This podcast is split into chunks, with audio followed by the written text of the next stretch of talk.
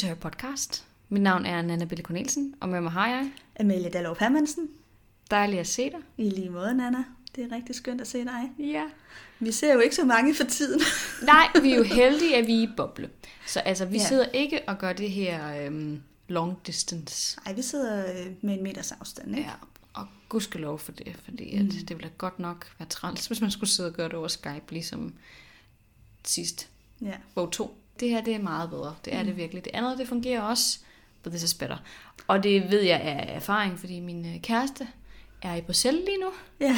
og er der de næste seks måneder, så man, øhm, man forstår virkelig, øh, ja, Værdien er at kunne mødes fysisk frem for at have de der Skype-møder og Helt telefonsamtaler. vildt. Mm. Helt vildt. Bare den der lyd, som hele tiden bliver mærkelig eller træls, og man, man kan ikke høre hinanden, eller den falder, falder ud, altså forbindelsen forsvinder, eller billedet bliver dårligt, og man er sådan, oh my god. Ja, Så det her, det er bare så dejligt, at man kan se et levende menneske. det er det nemlig. Altså, jeg har så ondt af de mange børn og unge, som har Zoom-undervisning. Mm. Puh, er det ikke sjovt. Det vil jeg ikke synes var særlig rart. Nej. Altså, hvis jeg er selv et menneske, der er sådan introvert, og det tror jeg også, du er. Så det er en, Ja. Det er jeg, men jeg må sige, altså vi er jo begge to meget alene lige nu, ikke? Jo. Altså, jeg har hjemmearbejde, mm-hmm. og du er også hjemme det er og jeg. skriver ansøgninger. Præcis. Jeg, øh, jeg har sådan set teknisk set været ledig siden sommer, fordi jeg blev coronaledig. Men har så arbejdet det meste af efteråret, men jeg blev så ikke forlænget på mit arbejde på grund af corona igen. Så jeg sidder hjemme, sådan rigtig, rigtig hjemme, uden noget egentlig at lave, mm. udover de der to ugenlige ansøgninger, man skal lave. Ikke? Så det er, det er meget alene lige Ja. nu. Og det er der nok også mange af jer lytter, der lytter med, der er. Mm-hmm. Jeg synes, det er ret dejligt at tænke på, at vi på en eller anden måde har sådan et fællesskab, eller en community, som jeg vil kalde det på engelsk. Ja. Med, jeg føler da i hvert fald, at jeg har en eller anden relation til jer, der lytter med, selvom jeg ikke Mhm. ved, hvem I er nødvendigvis. Jo, nogle af jer gør jeg. Nogle har jeg jo mødt, og nogle skriver til os. Og nogen kan man også se ind i kommentarsporene, der begynder man også at gætte kendt Ja, folk. lige præcis. Jeg føler, der er mange af jer sådan, ah, jeg ved godt, hvem du I er? Sådan you. nogenlunde. Ja. Ja, og det, er- det er ret dejligt at tænke på, synes Mm. jeg. At der er ligesom, og det er konstant. Ja. Vores relation og det her med podcastformatet, det har jo ikke ændret sig, fordi der har været corona. Det er jo det samme stadigvæk. Mm-hmm. Og jeg synes på en eller anden måde, det er dejligt, at der stadig er noget, som er, som det plejer at være. Ja, det er rigtigt. Altså, jeg ser det i hvert fald meget som et fast holdepunkt Ja. i mit liv og, og i vores relation. Og jeg håber også og for- formoder, at den også kan være lidt et fast holdepunkt for nogle af jer Mm. derude. Det giver i hvert fald mig mega stor glæde, at vi stadigvæk kan gøre det her. Og vi har jo faktisk lige haft fire års jubilæum Ja, her 1. februar. Jeg glemte så at lægge jubilæumsepisoden op den dag, hvor vi havde øh, jubilæum, fordi det var den dag, min kæreste tog afsted til Bruxelles. Så jeg stod og græd ude i lufthavnen. Åh. Så ja, der var ikke lige så mange tanker på det. Men vi har lige fejret 4 års fødselsdag. mm. Så dejligt. Det er vi glade for, at... Jeg ved på, at der sikkert stadigvæk er mange af jer, der har fulgt med fra starten. Mm. Men der er helt sikkert også mange, der er kommet med løbende, og nogen er måske stadigvæk kun i gang med bog 1. ja. Men øh, Så kan det være, at corona er over, når I kommer til det her afsnit. Det kan sagtens være, der nok også, altså for, formentlig der også kommer nogen, som slet ikke har hørt den endnu, og som først hører den om Ja. et par år. Mm. Så bliver det mærkeligt at sidde og lytte tilbage til det her, tror jeg. ja, det er rigtigt. All this craziness. Ja. Vi tænker i hvert fald på jer, der sidder derude i de små hjem, og Mm. ikke kan lave så meget, ligesom os. Har vi et punkt? Hvad gør vi? Vi er jo selv meget alene og skal få noget tid til at gå og sådan noget. Hvad, hvad gør du for at opretholde en eller anden form for rytme og velvære? Og rytme, den er svær. Jeg er begyndt at sove længe. Og det er jo igen også, når jeg heller ikke har hjemmearbejde sådan rigtigt, Mm. og det bare er så flydende for mig, så, øhm, så er det sådan en lille smule sværere. Men jeg prøver på at lave nogle ting, som jeg synes er dejlige. Ja. Altså lave nogle, nogle kreative ting. Nu har vi for eksempel et keramikværksted her på kollegiet. Jeg blev meget inspireret af Clara Lilja.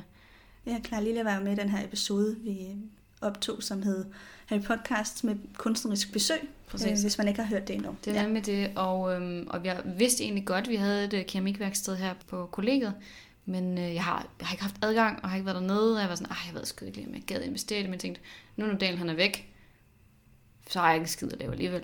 Jeg kan lige så godt gå ned og prøve at se, om det er noget for mig. Mm. Så jeg har ligesom prøvet på at udforske det, og finde ud af, hvordan laver man egentlig keramik, og i forgårs, der prøvede jeg på at glasere noget. Det mm. blev sindssygt weird. Det ved jeg overhovedet ikke, hvordan det lige gik. men, øh, men, men det er faktisk virkelig sjovt. Og så veksler lidt mellem at begynde at strikke en svæt og, og gå og kigge på mine planter og sådan noget. Så altså, jeg har mange af sådan nogle kreative ja. små ting, som jeg veksler lidt mellem. Mm. Jeg har fået en Playstation. Det er faktisk virkelig hyggeligt. Jeg sidder og spiller Spyro Mm. og Harry Potter Lego. Det kan klart anbefales. Og så mødes jeg selvfølgelig med dem, som jeg har i min boble, hvis ja. de vil se mig. Ja. Hvad vil du selv, Amalie? Jeg læser mange bøger, når jeg har fri. Altså, jeg er jo hjemmearbejde, så mine mm. dagstimer, de er jo ret strukturerede, kan man sige. Ja. Altså, jeg arbejder fra 8 til 4, og så har jeg jo så en aften fri, ikke? Mm-hmm. Men øh, jeg prøver, jeg har faktisk lavet ret meget struktur, så jeg går en tur hver dag, når jeg er fri, for eksempel. God idé. For at prøve at få den der, nu har jeg fri overgang ind. Mhm. Mm-hmm. Fordi når man sidder hjemme, kan det jo godt være lidt svært lige at finde den der Absolut. overgang mellem arbejdstid og fritid. Mm-hmm. Så jeg går en tur med podcast eller lydbog i ørerne, Dejligt. og så, øh, så læser jeg om aftenen, eller ser et eller andet, jeg kan stene. Jeg har øh, lige set øh, en del afsnit af årgang 0. jeg ved ikke, hvorfor jeg kom bare... Det er fordi, jeg, det har jeg altid godt kunne lide at se, og så øh, nu der har der jo været det der årgang 20, og det havde jeg ja, faktisk ja. tænkt, ej, det gider jeg ikke se. Det var en speciel ting med årgang 0, det kan man ikke genskabe. Og så kom jeg til at se første afsnit af årgang 20, og jeg var hugt. Så nu jeg kommer til at følge årgang 20 de næste 18 år, det er der ingen tvivl om. Oh my god, hvor griner Men nu har jeg jo set de fire afsnit, så nu, øh, nu er jeg gået i gang med årgang 0. ja. Så det får jeg også en del tid til at gå med. Ja. Ja, det er sjovt. Jeg har aldrig set årgang 0. Så det er Nej. ikke noget, der sådan taler til mig rigtigt. Nej. Jeg Og stener jeg synes, bare det er masse et fantastisk program. Det kan da godt være, at jeg skulle prøve at se det. Det kunne være, at jeg skulle være. Det må jeg lige se. Altså, der er jo bare mange afsnit, ikke? så man bliver jo også lige pludselig fanget ind i noget, der kan tage rigtig mange timer. Ja, det er rigtigt. Ja. Det er rigtigt. Jeg stener bare serier på Netflix og HBO, og så... Ja. Ja, jeg skal også læse. Jeg har masser af gode bøger, som jeg også bare skal åbne, men så falder jeg ned i Parks and Recreation, og så sidder jeg og ser det og strikker, i stedet for at læse en bog. Men, øhm, Men det er måske også det med den her tid, at vi skal nok også tilgive os selv lidt, Ja. at vi ikke altid er så produktive og får lavet alt det, vi gerne vil i vores fritid. Nemlig. Der er rigtig mange, især i starten, ikke, som var sådan, okay, så skal vi bruge det her lockdown på alle de her projekter. Man skal lave, lave, lære at lave den bedste surdej, man skal øh, Mm. blive mega fedt at løbe en masse, eller... Den, Lære fransk. Ja, ja, lige præcis. Ja. Sådan noget. Og det kan man ikke nødvendigvis lige få til at lykkes, i hvert fald ikke hver dag. Og måske heller ikke lige hver uge. Mm. Så det der med bare sådan være tilgivende over for sig selv, og sådan sige, det er ok, at man ikke rigtig får lavet noget sådan ordentligt. Ja, altså det er jo fint at have nogle projekter, hvis man har mod på det, ikke? men altså, så gør det jo ikke noget. Men jeg tror også, det er okay en gang imellem at lade sig selv give sig selv lov til at være lidt nede, ikke? Eller sådan, det, Jo. det er sådan en blanding af, at det er jo selvfølgelig også godt nok at komme i gang og gøre ting, mm. men man skal heller ikke slå sig selv oven hovedet over de ting, man så ikke når. Selvfølgelig, en dårlig dag er fin at have, og det er også okay at have en dårlig uge. Mm. Altså, det er en mærkelig, svær tid for os alle sammen. Og tror jeg især, især den der med at kunne sige til sig selv, at det er okay. At det ikke er ens egen skyld, at man ikke skal skamme sig, eller være sådan, at man er et dårligt menneske, fordi man ikke klarer det bedre, eller Mm. får mere ud af det, eller hvad ved jeg, men bare sådan, ja. lige nu så handler det bare om, at vi skal eksistere Ja. og overleve det her Ja. mærkelige. Jeg har faktisk begyndt at følge sådan et meditationskursus. Mm. Og det er jo også sådan noget med at lære at acceptere tingenes tilstand. Og det Ja. har været ret godt for mig. Jeg, jeg har altid rigtig meget tankemøller, og har svært ved ligesom at slippe ting igen. Du er også en, der overtænker. Ja, det gør jeg. Og jeg bliver ved. Altså, jeg har svært ved at slippe det, når først der er en eller anden tanke, som, som ligesom rumsterer, hvis der er noget, jeg... Især hvis der er et eller andet, jeg har dårlig samvittighed over. Så kører det rundt i hovedet. Og det øver jeg mig lidt i nu med det her meditation, at prøve at slippe det der igen. Fordi Ja. det kan jo virkelig også tage overhånd, når man har så meget tid alene. Præcis, for der er ikke rigtig nogen at tale med, og så ender man bare med at sidde med sig selv og sit eget hoved, og sådan Mm. bliver fanget ind i en eller anden mærkelig spiral. Ikke? Ja. Jeg kender det godt. Jeg tror, øhm, for mig, der, der er det meget med i den her tid, jeg får sådan obsessions, hvor jeg bare dykker sindssygt meget ned i én specifik ting. For eksempel her, for et par dage siden, der var sådan overbevist om, nu skal en kanin. Når nu den ikke er her. Så sådan, okay, går ligesom ned i alle detaljer. Hvordan kan jeg få det til at fungere med en kanin her? Hvad skal jeg købe? Hvad skal den have? All that kind of stuff. Og jeg Er, er du gået væk fra det igen? Nej, men nu er jeg blevet sådan lidt mere, okay, det kan måske godt være, sådan som tingens tilstand er lige nu, og jeg ved ikke, det kan, nu Daniel han er i Bruxelles, det kan da også være, at han skal blive i Bruxelles, eller have en eller anden funktion der. Det kan da være, at jeg selv skal til udlandet og arbejde, hvis jeg nogensinde lykkes med det, det, det projekt, det er at få et arbejde.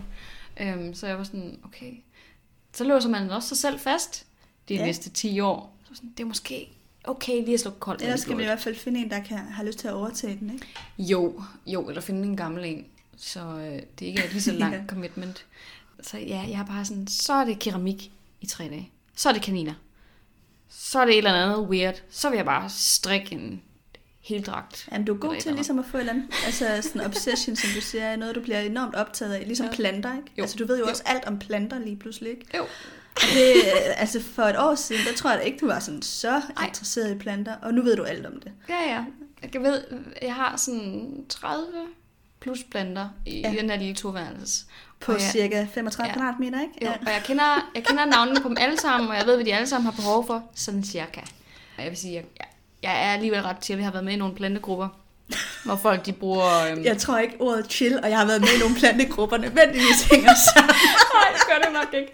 Men jeg er medlem af nogle plantegrupper på Facebook, og folk de bruger altså tusindvis af kroner på planter. Mm. Altså dyre, dyre planter, og køber sådan skabe, hvor de kan, altså nogle glas vitrineskab, hvor de kan have dem stående inde i, og de kan have de helt perfekte forhold med sådan humidifier og sådan noget. Og køber særlig jord og sådan til dem. That's not gonna happen.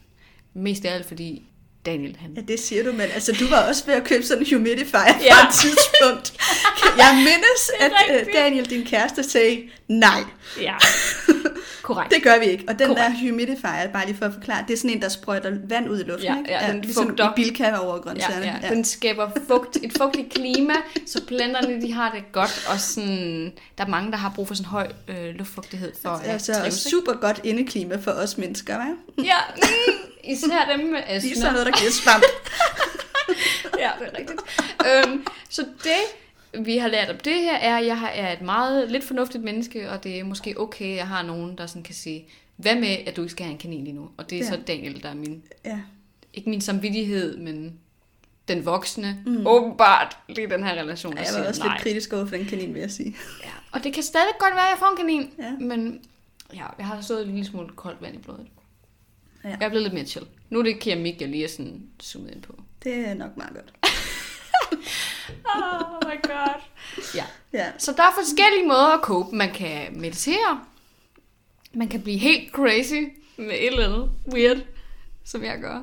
Og så, ja, ja. være obsessed med det i to uger. Men jeg kender godt det der med at blive obsessed. Man kan sige, det er jo også det, der vi gør med Harry Potter. Ja, Det er jo også at obsesse over en eller anden lille detalje, som man så går ind og nørder. præcis. Men jeg vil sige, jeg, altså det er den længste obsession, jeg nogensinde har haft.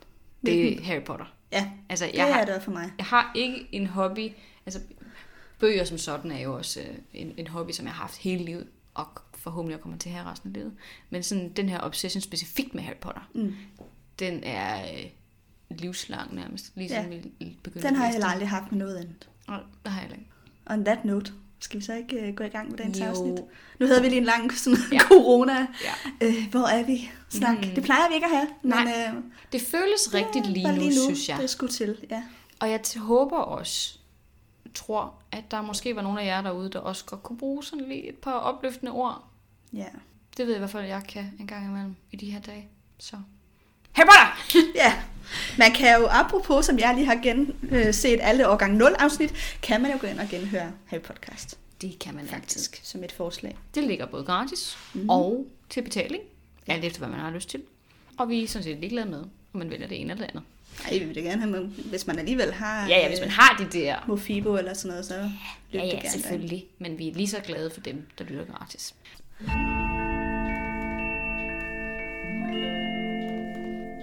I dag, der Ja. skal vi snakke om kapitel 26 og Mhm. 27. Og kapitel 26, hvad er det nu, det hedder? Den anden opgave, Ja. Og kapitel 27, det er det, jeg har forberedt noter til, det hedder Køter vender tilbage. Præcis.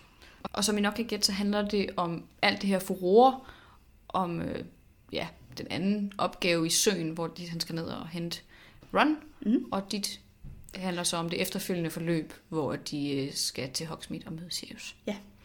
Nej, men øh, jeg vil bare lige sige, dit, dit kapitel, det minder jo meget om, eller ikke på alle punkter, men det er jo sådan ligesom noget, der også er gengivet meget i filmen. Ja, Hvor det er korrekt. mit kapitel, det er jo sådan kun for bogen. Det er ikke Ja. ja. rigtig så mange scener, der går igen i filmen. Nej, De mødes i hvert fald ikke med Sirius i filmen. Nej, det tror du ret i, og jeg tror egentlig heller ikke, artiklen om uh, Hermione, er den med i filmen? Jo, det er der i filmen. Okay, fair nok. Jeg er seriøst så dårlig til at huske, hvad der er med i den ene og den anden. Jeg er bare sådan, everything is a big mashup. I know all the different stuff. Men vi, hvis du kan huske det, så må du jo gerne ja, sige de ting, som de ting, du jeg kan huske, dem øh, pointerer, pointere. hvad der er med og hvad der ikke er med. Ja. Men lad os starte ud med resume. Ja. Og fordi jeg har det første kapitel, mm. Mhm. er det selvfølgelig mig, der starter. Godt. Vi sluttede jo der sidst, efter øh, hele den der trappeting, Ja. hvor Harry han øh, overser Snape og Dunner og øh, Filch, der står og snakker på trappen. Og han taber ægget og alt det der. Det kan vi godt huske. Men han taler ligesom med Ron og Hermione om det her i starten af mit kapitel, og de diskuterer sådan, hvad handlede det der lige om med, at øh, Marty Fern var nede på Snapes kontor. Mm. Fordi at han undrer sig jo stadigvæk over, at han dukker op på det der Marauders map. Ikke? Han har det jo faktisk ikke længere. Han har jo givet det til Dunner, det skal vi huske på. Så ja. resten af bogen, indtil Dunner giver det tilbage. Og jeg gætter faktisk på, at han ikke får det tilbage, før at Barty han dør. Eller bliver Nej, han får det i hvert fald først tilbage i helt slutningen af, af bogen. Præcis, så han, han kan jo ligesom ikke bruge det værktøj længere. Han kan Mm. ikke observere Barty Ferm Junior slash Barty Ferm, før han får det tilbage. Så det er nok en god ting lige at huske på.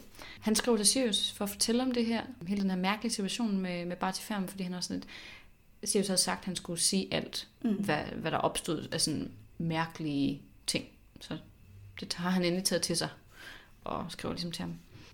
Han har så heller ikke fundet noget, der kan hjælpe ham med at komme ned i søen. Han har jo sagt længe, at han havde fundet en løsning på det her problem, men det har han jo ikke. Så de går øh, op på biblioteket og kigger alle bøgerne igennem, ham, øh, Ron og Hermione, og der er bare ikke noget overhovedet.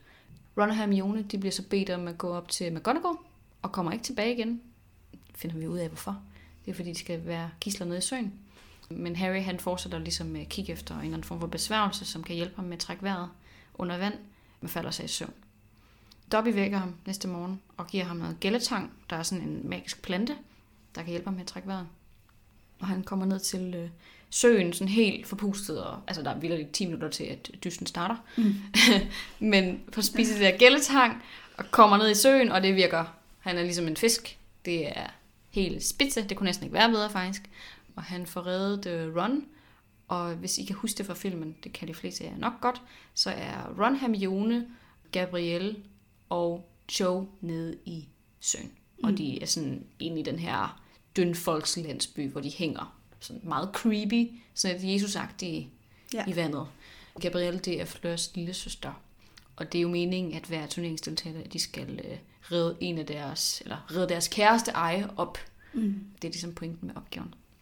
Men øh, Harry, han tror selvfølgelig, at øh, de her gisler, de dør, hvis de bliver søen. Ja. Hvilket de ikke gør. Nej, altså det, det sagde det der digt jo, Ja. som var inde i ægget. At, Du mister det for evigt, hvis du ikke henter ja. Det inden for tidsrammen eller sådan noget. Ja. Han tager også Gabrielle med op til overfladen og redder sig på den måde to gisler, fordi Fleur, hun når aldrig hen til gislerne. Og det giver ham en bonus, og han ender faktisk med at stå lige med Cedric, Cedric så vidt jeg forstår. Så godt som lige ja. i hvert fald. Og det er mit kapitel. Mm. Ja, og så overtager jeg jo så, øh, hvor Ron han lige pludselig får ret meget opmærksomhed efter den her turneringsopgave. Og i starten, det er meget sjovt, så Ron fortæller han jo sådan helt ærligt, hvordan Mm. det hele foregik med, at de blev kaldt ind til McGonagall, og hun fortalte dem, hvad der skulle ske, og de blev lagt i sådan en magisk søvn og sådan noget. Mm. Og de, ikke, de kan ikke huske noget, før de sådan kommer op til overfladen af Ja, nej, selvfølgelig. Og så øh, bliver det så til en historie om, hvordan han kæmpede med dønfolkene. Ja, ja. 50 dønfolk overmandede ham, og han blev kidnappet. Og sådan, øhm, about no. ja. Så øh, det, det tager ligesom lidt øh, overhånd for ham, det der. Så får Rita jo hævn over Ja. Hermione. Der var jo det her for nogle kapitler siden, hvor mm. at. Hermione ligesom havde ja, skældt hende ud. Og som Ron også dengang sagde, det her det kommer til at hævne sig Hermione, så Ja. Fik Ron ret. Rita har nemlig skrevet en artikel om, hvordan at Hermione nu er gået over til Victor Krum og Stakkels Harry, som hun nu har Mm. ladt i stikken, og som om den dreng ikke har været ude for nok. Og Lige præcis. Ja. Hun bliver sådan virkelig portrætteret som sådan en, ja, som Ron en rundetrunde. en falden kvinde, tror jeg, Ron Ja. øh, På engelsk kalder de det sådan a scarlet woman. Ja. så igen en, en kvinde, der render rundt med mange mænd og fordrejer deres hoveder og Ja, sådan lidt en... Skø, ja, en skø, skø, ja. Det man vil sige i dag på godt gammeldansk, en luder. Det er det, hun kalder hende. Ja. Eller sådan portrætterer hende som. Ja. Og det er hun selvfølgelig ikke. Og det Nej. er der ikke nogen, der skal kaldes, apropos. Hermione tager det dog ret køligt. Altså hun er sådan, ja ja, hun må skrive, hvad hun vil. Hun ved jo også godt, at det ikke passer. Ja, ja, ja. Altså det, hun, er, hun lader sig faktisk ikke rigtig gå på. Nej, først da Snape begynder at læse den Ja, op. så Snape han så læser jo så op af artiklen i hans elixir-team, og der bliver hun selvfølgelig... Mm. Det synes hun er ubehageligt, men det er jo så også det der med at blive udstillet for de andre ja. på den måde, som Snape kan gøre det, ikke? Præcis. Men det, det er jo egentlig også interessant. Det er jo en lille bitte del af dit kapitel, for der sker rigtig meget andet. Ja. Men man, man kan ikke lade være med at notere sig, at hun jo bliver slotshjemmet ret meget i det her. Ja, det gør hun. Og også øh, senere, øh, jeg mindes, at fru Weasley, hun sender hende øh, til påske, der får Harry tilsendt et kæmpe stort påskeæg, det kommer vi til at snakke om på det tidspunkt. Og Hermione får sådan en lille bitte hønseæg, eller sådan en vakkelæg. Og det, og det er jo en, en tydelig indikation på, at folk kan ikke lide den her måde, hun har opført sig på, og den måde, hun har behandlet Harry på. Selvom det er jo løgn. Mm. Det passer jo ikke noget det her. Nej. Men, øhm, der er i hvert fald en seksuel moral her, som er ikke så nice over for kvinder. Helt sikkert. Mm. Hvis vi går tilbage til elixir-teamen, så Snape er jo også ret sur faktisk, i den det er han altid, men Mm. ekstra sur i den her time på Harry, fordi han øh, er sikker på, at Harry har begået indbrud i Ja. hans private kammer. Fordi han mangler både gælletang og øh, ronkedorfskin. Ja. Og øh, ronkedorfskin stjal Harry jo faktisk også tilbage i bog 2, Ja. da han skulle lave polyjuice elixir. Præcis. Og det tror Snape jo, at Harry så er ved at lave igen. Og det, det er jo meget interessant. Altså, vi ved jo, at Dobby har et, hugget gælletang, ikke? Jo. Så det er ham, der har taget det fra Snapes kammer. Men det der ronkedor skin, det er jo en indikation på, at der er nogen, der går og laver polyjuice elixir på skolen, ikke? Jo. Og det tænker Harry ikke lige over, men vi ved jo godt, hvem det er. Det ved vi godt som læser, hvis man i hvert fald har læst den flere gange, ikke? Jo. Ja. Nå, undervejs i øh, elixir-team kommer Karkaroff så ind og vil snakke med Snape, Mm-hmm. og Harry bliver så lidt tilbage. Øh, han taber noget, nogle ingredienser med vilje, som han så skal rydde op, og så han kan overhøre Snapes og Karkaroffs samtale. Det kommer jeg tilbage til. Og så mødes de bagefter med Sirius i Hogsmeade. Sirius bor sådan lige en klippe lidt uden for Hogsmeade, så de skal sådan lidt ud af byen. Og der øh, fortæller Sirius så historien om, om Barty Færm og hans søn. Den vil jeg også vende tilbage til. Og Sirius viser sig som den her bekymrede gudfar for Ja. Harry. Ret smukt faktisk. Ja, det er rigtig fint. Og der, Ron han noterer, altså han lever jo op i den her hule bare af, af rotter nærmest, ja. Ja. fortæller han. Han er sådan helt skin og ben og får ikke rigtig noget at spise. Ja. Så de har taget en masse mad til ham fra Hogwarts. Og Ron han siger også et eller andet med, at han må virkelig holde af dig, sådan som han går og spiser de der rotter. Det siger noget, ikke? Jo, Altså, det var faktisk også ret fint noteret af Ron, synes jeg. det er ikke bare ingenting, at han øh, lever det op og får ligesom at være tæt på Harry. Nej. Fordi han er jo også i fare, når han er tæt på det magiske samfund. Det er han, ja. Men som Sirius siger, der er jo, det er jo kun trioen og Dumbledore, der ved, at han er en hund, eller kan lave sig om til en hund. Ja. Så han er der i forholdsvis... Han, prøv, altså, han, han gør det altså, På en sikker måde. på en sikker måde. Han viser sig jo ikke som i sin menneskeform. Nej, men han bliver nødt til, det er derfor, han ikke får så meget at spise, det fordi, han, øh, at hvis han er for meget nede i Hogsmeade og stjæler for meget mad, så begynder han at gøre opmærksom på sig selv. Ja. Og det må han ikke, fordi så er der lige pludselig nogen, der begynder at undre sig over, hvorfor der render en sort hund rundt Ja. i byen. Ja. Så, Nå, lad os dykke lidt ned i det. yep. Og vi starter selvfølgelig med mig, fordi at, øh, det er jo mit kapitel der først. Jeg synes hele den her situation inden øh, selve dysten var ret sjov. De, øh, de sidder jo som sagt oppe i biblioteket og får at lede alle bøgerne igennem, og, og det er jo ret sjovt, fordi biblioteket har jo aldrig fejlet Hermione før. Nej, Men det gør det altså den her gang. ja, hun bliver mere og mere frustreret over, at hun ikke kan finde svar. Lige præcis. Der er bare ikke noget, og de diskuterer, kunne Harry hidkalde sådan dykkersuit, ja. Og så dykke ned i søen. Det kan han ikke, fordi elektricitet og sådan teknologiske moklerting, de virker ikke, når de kommer ind på skolen, for der er sådan en eller anden form for magisk kraftfelt, der ødelægger moklerting. Ja, Det er i hvert fald sådan, vi har fået det forklaret tidligere. ja det er rigtigt. Altså, man kan ikke tage en radio med ind, for eksempel. Den Nej. vil ikke kunne virke. Lige præcis. De snakker også om, at Harry han skulle transformere sig om til en ubåd, Mm. øh, men det har han jo aldrig prøvet. Han har aldrig skulle lave øh, sådan øh, forvandling på sin egen krop. Nej. Så han har jo ikke noget erfaring med det. Han går jo kun på fjerde år. Og nok heller ikke noget, han lige ville kunne lære over en nat. Nej, det tror jeg heller ikke. Det vil være øh, meget usikkert, og han snakker også om, at han kunne ende- op med at have sådan en pæs sko, der stikker ud af hans hoved mm. resten af livet. Det vil nok heller ikke være så fedt.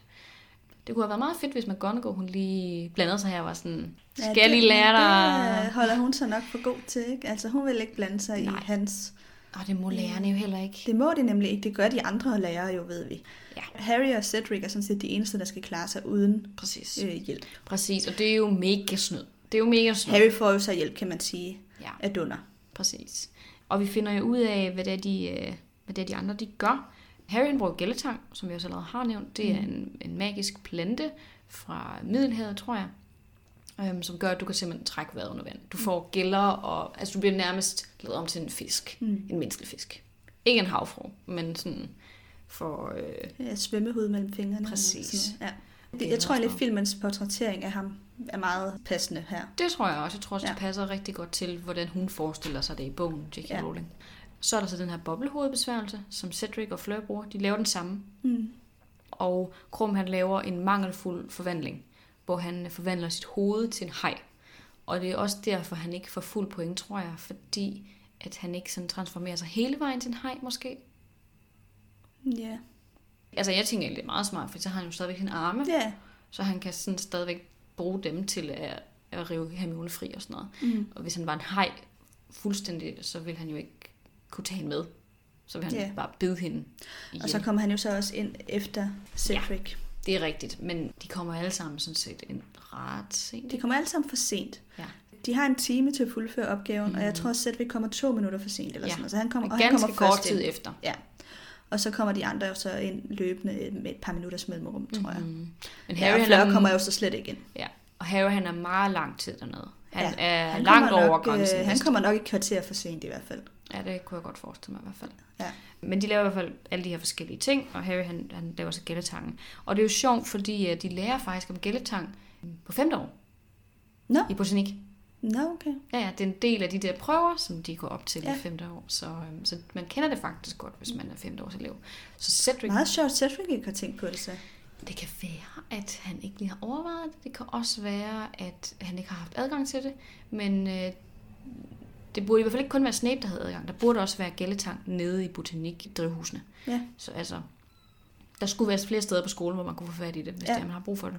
Og den her boblehovedbesværgelse, øhm, den kan man jo også undre sig over, hvorfor Harry han ikke bruger den. Hvis både Fleur og Cedric bruger den, så må det jo være en forholdsvis kendt besværgelse. Men det er det åbenbart ikke. Det er i hvert fald ikke noget, Han er i man... hvert fald ikke lige faldet over den. Nej, og, og der kunne godt, det godt tyde på, at den måske ikke var så populær det tidspunkt, hvor at, altså, den blev brugt her, at det er sådan en lidt mere obskur ting, og man måske ikke nødvendigvis har brugt den til at være under vand, mm. men nærmere til at skærme sig mod dårlig lugt. Altså har du haft den på, hvis du for eksempel skulle gå. Meget smart i de her coronatider. Det var nemlig også det, jeg tænkte. Jeg tænkte, hvis vi alle sammen havde sådan en, Ja. så ville vi jo ikke have noget ikke noget problem. problem, nej. Så kunne vi jo sagtens handle ind og tage i teatret eller tage på museum. Fordi så har man jo bare sin egen ånde inde i den, ikke? Ja.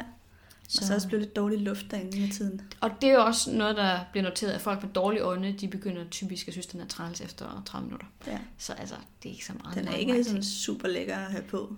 Nej, det er den ikke. Men øh, den, den gør i hvert fald, den giver en anden form for øh, oxygen. Den er forholdsvis smart faktisk til det her formål. Mm. Men jeg fandt så ud af, at der er faktisk besværgelser specifikt beregnet til sådan undervandsting.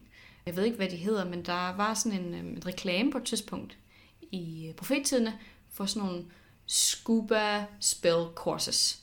Hvor, altså sådan scuba Hvad er dykningsbesværgelser. scuba? Jamen det er, når man sådan snorkling, tror jeg Nå. snorkling, besværgelser eller sådan et eller andet mm. retning, som man kunne øhm, tage ned til det røde hav for at deltage.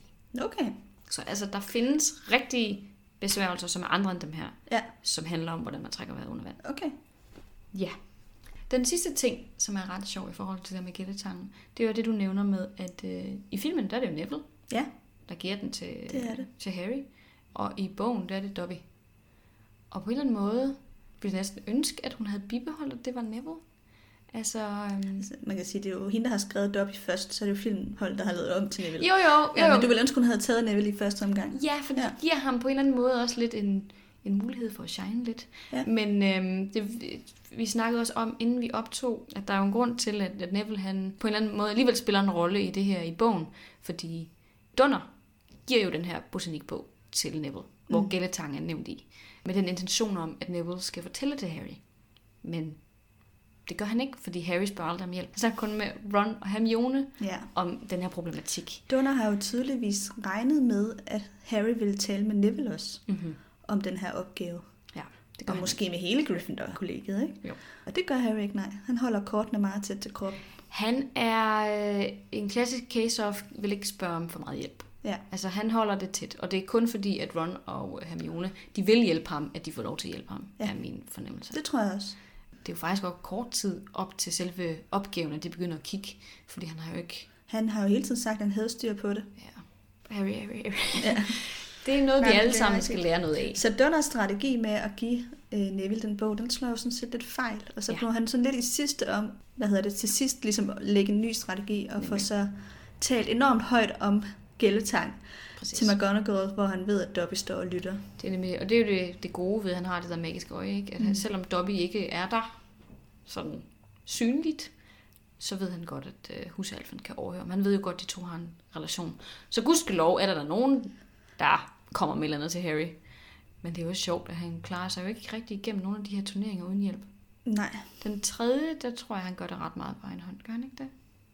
Nej, det gør han ikke. Nej, det gør han fordi Krum, han bliver forhekset. Ja, Dunner går jo rundt uden om labyrinten ja. og kan jo kigge igennem. Så kan jo få øje for hekser og krum. Og ja. jeg tror også, han gør nogle ting med nogle af de der udfordringer, Harry Ja, han møder. Og sådan noget. tror Så det, den kommer han heller ikke igennem uden øh, Dunners hjælp. Nej. Og det synes jeg på en eller anden Eller- måde også er ret... Bare til Fam Juniors hjælp. Bare til familien, selvfølgelig. Ja. Jeg synes på en eller anden måde også, det er ret fint sådan tænkt, at den her turnering er jo ikke tiltænkt en fjerdeårselev. Så hvis Harry var på et niveau, hvor han kunne fuldføre de her opgaver selv, så ville han jo være ekstremt, Kompetent. ja, ja for kompetent i forhold til, hvad vi ellers ved om ham. Han er jo en dygtig nok elev, men han er jo ikke et geni. Han er jo ikke en Dumbledore. Han er jo ikke engang han Hermione, er vel? ikke, Nej, han er jo ikke den dygtigste Nej. øh, på sin årgang overhovedet. Præcis. Det er Hermione jo. Præcis. Og selv ikke Hermione, tror jeg, ville have haft Nej. særlig stor succes med de her opgaver. Så jeg synes egentlig, det er ret fint at vide, at han, altså han, han klarer sig jo igennem, men han får hjælp. Ja.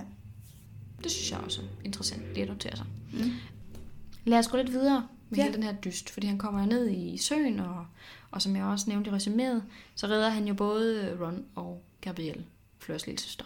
Og han ville egentlig også have haft Hermione med, og hvis han havde haft mulighed for at tage Cho med, så havde han også gjort det. Altså, ja, han havde jeg været vil gerne have haft dem alle sammen med. Præcis, fordi han er jo rædselsland for, at de faktisk kommer til at dø dernede.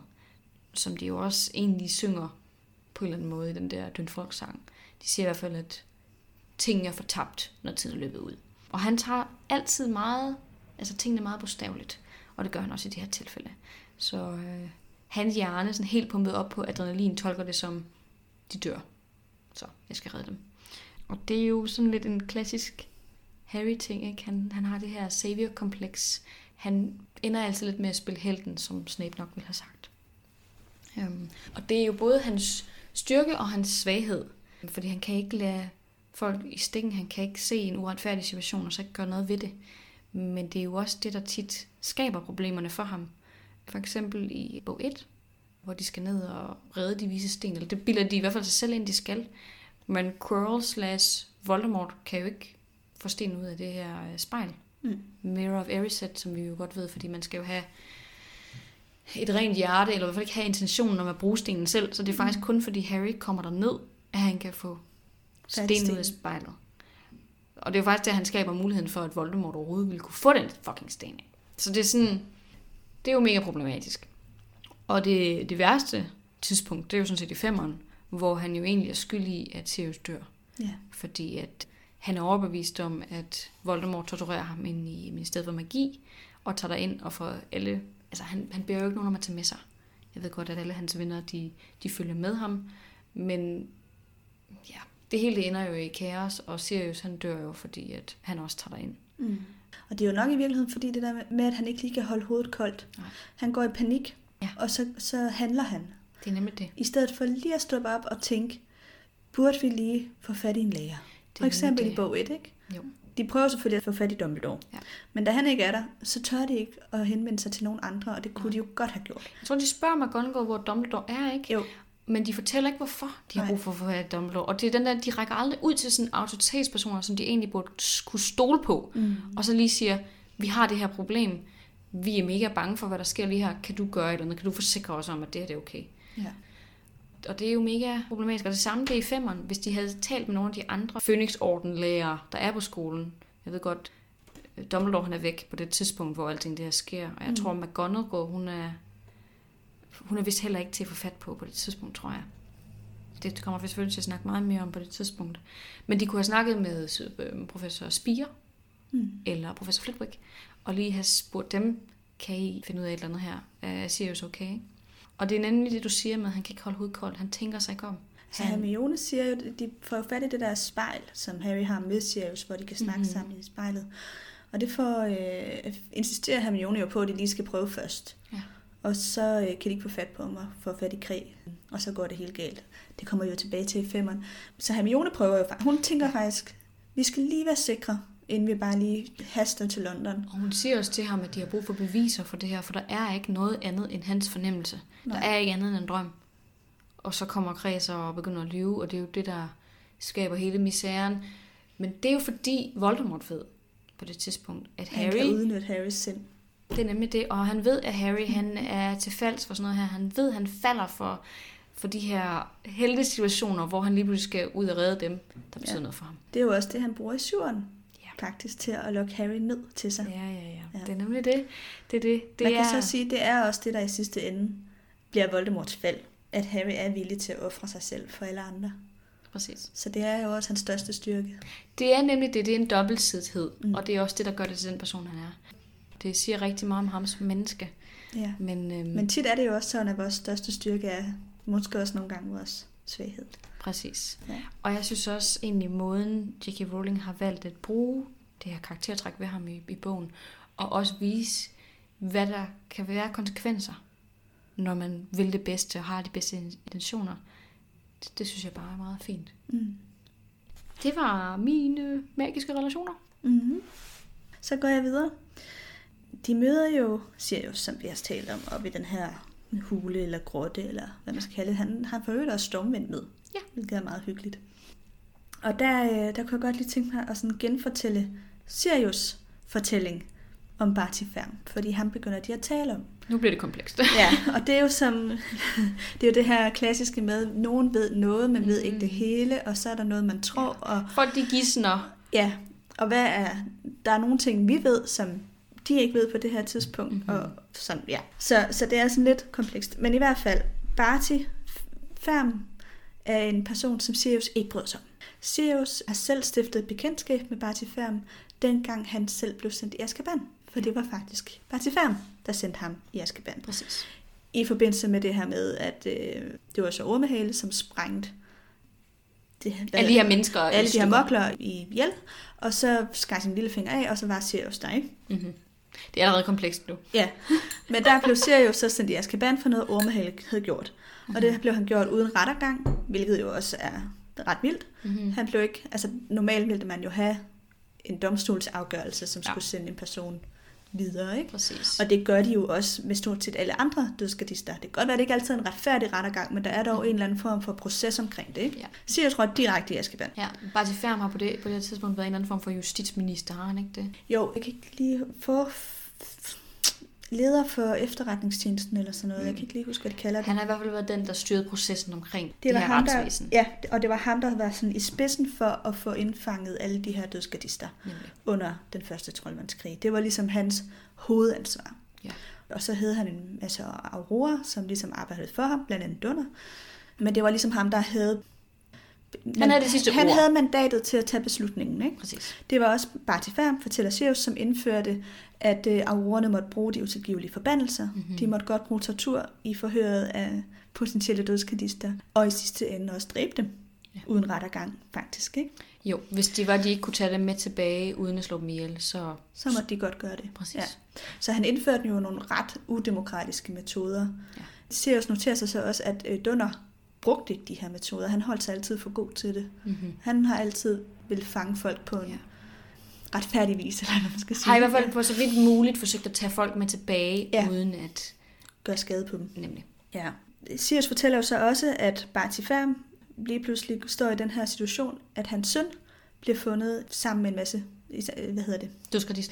Ja, Han st- står midt i en lortesituation lige pludselig, ja. hvor at der er sket en forbrydelse, og øh, der er nogle forbrydere, og som han bliver sat i sammenhæng med. Ikke? altså, jo, at de- han, han bliver set sammen med en masse dødsgardister, kendte dødsgardister, Ja. øh, gardister, ikke?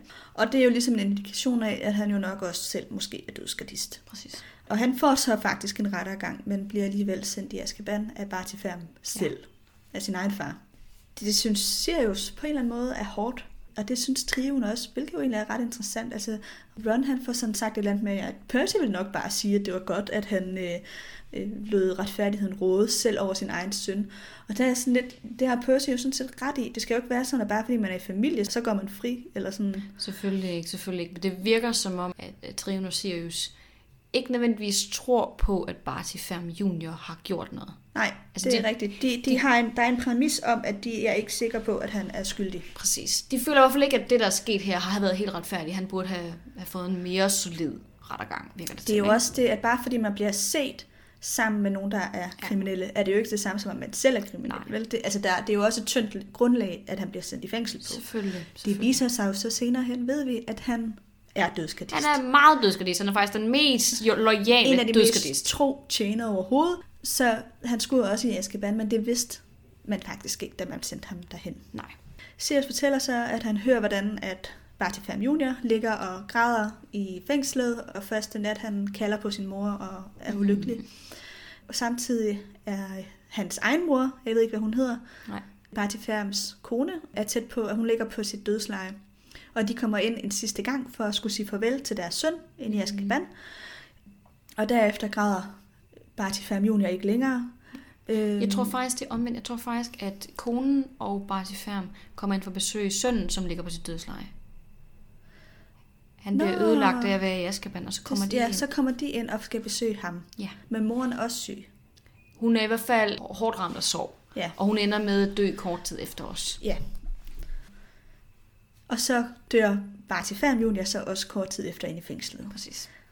Som Så både den- mor og søn, de dør. Ja. Sådan nogenlunde samtidig. Ja, og Sirius fortæller, at han ser, at dementorerne begraver sønnen ude foran øh, Azkabans mure, altså nede i, ja. Ja. der er sådan en gravplads. Det lyder som om, der er ret mange, der dør derinde, faktisk. Jeg tror, de fleste de dør sådan Ja. relativt hurtigt, fordi psyken kan ikke rigtig tåle det. Ja, og Sirius fortæller også det her med, at der er mange, der græder i starten, og så på et eller andet tidspunkt, så bliver folk stille. Ja. Ja. Den rigtige historie. og nu afslører vi jo også noget plot, men igen, som vi også har sagt før, vi går ud fra, at I godt kender historien. Ja. så er det jo faktisk Barty Ferms juniors mor, der skifter plads med Barty Ferm junior. Så er det i virkeligheden hende, der dør Præcis. inde i fængslet. Ja, så Barty Færm, han tager sin søn med hjem. Ja. Og moren dør ikke øh, hjemme i huset. Det er bare sådan et skalkeskjul for, at hun ligesom ikke skal være. Hvorfor hun er væk lige pludselig. Præcis, Ja. præcis, for hun er- ligger død inde i fængslet. Og det er jo på en eller anden måde virkelig voldsomt, når man ved det, at Barty Færm aldrig henter sin kones lig, men ligesom lader hende ligge. Og det der. tror jeg er for at fastholde den her, at han ikke. Ja. risikerer, at nogen skal se livet og regne ud, hvad der er sket. Selvfølgelig, det er også bare enormt hårdt. Ja. Ikke? Og den sorg, han må have omkring det at vide, hun ligger der, og han ikke... Ja, Ja, og især hvis man tror på, at der er en eller anden form for sjælelig øh, forbindelse til et gravsted, mm-hmm. så er det jo lidt voldsomt, at ja. Hendes gravsted er ved Azkaban, ja det er det. Fordi som jo er et øh, forfærdeligt sted. Præcis. Og det er jo virkelig, det er jo virkelig trist, ikke? Og der er meget med moderkærlighed i den her serie. Og det er jo endnu et eksempel på en mor, der Ja. elsker sit barn enormt meget, og vælger at gøre det, som de tror er bedst, som jo så offrer sit liv, for at den søn kan få lov til at leve. Problemet er så bare, at den her søn er helt... Skingrende dødsgardist. Ja, lige præcis. Og ikke den, man skulle have reddet ud af Azkaban måske. Nej. Øhm, Og det er nok også en- en forklaring på, hvorfor faren får så anstrengt et forhold til sin søn efterfølgende. Ikke? Altså, Jo. han kan jo godt fornemme, hvad der er for nogle kræfter, der trækker i ham. Han ved godt, at han er dødsgardist, men han har valgt at gå med til det her på grund af konens ønske. Ja. Håber måske også, at han kan omvende ham. Ja. Men det lykkedes jo så ikke. Ja, så det var lige hele den der plot gennemgang, som jeg synes var ret vigtigt lige at fortælle om øh, Mhm. i den her forbindelse. Selvfølgelig. Ja. Så er der jo også lige et par andre ting, vi skal vende. Mm-hmm. Rita Rivjern skriver som sagt den her artikel om Hermione og hendes forhold til både Harry og Victor, og hun skriver faktisk også nogle ting, som er noget, Hermione undrer sig lidt over, Præcis. hvordan hun kan vide. Det er nemlig- Fordi hun skriver, at Victor har inviteret Hermione på sommerferie. Nemlig. Og det fortæller Hermione så til Harry og Ron, at det er noget, Victor har spurgt hende om, mens det var alene, lige efter at de kom op af søen. Så der Præcis. kan ikke have været nogen, der har kunne høre det. Nej, og øh, den opmærksomme læser har måske også opdaget i mit kapitel, at der står en linje, hvor, øh, hvor Victor han fjerner et lille dyr fra Hermiones hår. En Ja. lille, en lille bille. Altså, du har en bille i håret. Hermione, står der i ja. min bog. Og, og fjerner den, så vifter hun den vist væk eller sådan noget. Ja, Og den, den bille ved vi nok godt, hvem er, ja tænker jeg. det gør vi nemlig. Og det er jo sådan, hun har fået informationerne til Ja. artiklen. Lige præcis. Og mere vil jeg ikke gå ind i det. Det var bare lige vigtigt at bemærke. Helt. Så er der jo øh, det her med, at øh, Karkaroff kommer og vil snakke med Snape. Ja. Og Karkaroff er ret bekymret. Og Harry han kan ikke rigtig sådan lige gennemskue, hvad det er. Karkaroff viser Snape et eller andet på sin arm. Harry kan ikke mm. se det. Men der er, der er et eller andet på den der arm, som, som er et tegn, som ja. Karkaroff ligesom har brug for at tale med Snape om. Og Snape er meget afvisende. Han vil overhovedet ikke tale om det. Mm. Han vil ikke gå ind i det. Nej, Karkaroff han indikerer også, at han har forsøgt at tale med Snape om det flere gange, ja. men at Snape har undgået ham og har ikke vil ses med ham eller noget som helst. Præcis. Og det leder os lidt over til fri leg, synes jeg faktisk. Det mærke på armet, det er jo mørkets tegn. Som både Snape og Karkaroff har. Ja. Jeg har lyst til at sige tatoveret Ja. på armen. Det tror jeg. Jeg tror, den er usynlig det meste af tiden, indtil at Voldemort begynder at komme Ja, det kommer vi tilbage til, for jeg har en masse om det. Nå, Så skal vi ikke gå til fri Jo. leg? Men jeg vil lige notere mig en sidste ting Ja. i forhold til det. Fordi det er jo sjovt. De nævner det her for Sirius. Men Sirius ved jo ikke, hvad det er. Ja, Og det undrer mig. det er rigtigt. De nævner, at der er et andet på Karkaroffs arm, og Sirius han er sådan, Nå, kan vide, hvad det kan være. Det aner jeg ikke noget Det om. ved jeg ikke noget om. Og det er nemlig rigtigt. Det er ret interessant, at han ikke ved det. Ja. Det skulle man jo faktisk tro. Mm, præcis. Han har været i Azkaban, han har været i Phoenixorden. Altså, det burde da være oplagt, at de kendte den her form for kommunikationsmetode blandt dødskalisterne, men det gør det de gør de ikke, men det gør Ministeriet for Magi. Aha. Så det, ja, det er nemlig ret interessant, hvorfor Sirius ikke ved det. Spændende. Jeg tror, det er et, et plothul, at Sirius ja. ikke ved det, for det burde Sirius vide. Altså, så skulle de i hvert fald have skjult det, de dødskalister, der var inde i Azkaban. Altså, jeg tror, Ja. de er isoleret Ja. inde i øh, De er hver sin celle. Ja. Det er også fair nok. Jeg tror heller ikke, det er inden fra Azkaban, han nødvendigvis ville have vidst det. Men jeg undrer mig over, at han ikke har vidst det, mens han var aktiv i Phoenixorden. Præcis. Der er et eller andet der, der ikke sådan helt fungerer. De burde vide... Øh, ja, og så alligevel, det, det kan jo godt være, det er, rigtigt nok, at de simpelthen ikke har vidst det før efter krigen. Måske. Nå, lad os gå videre til frileg. Frileg!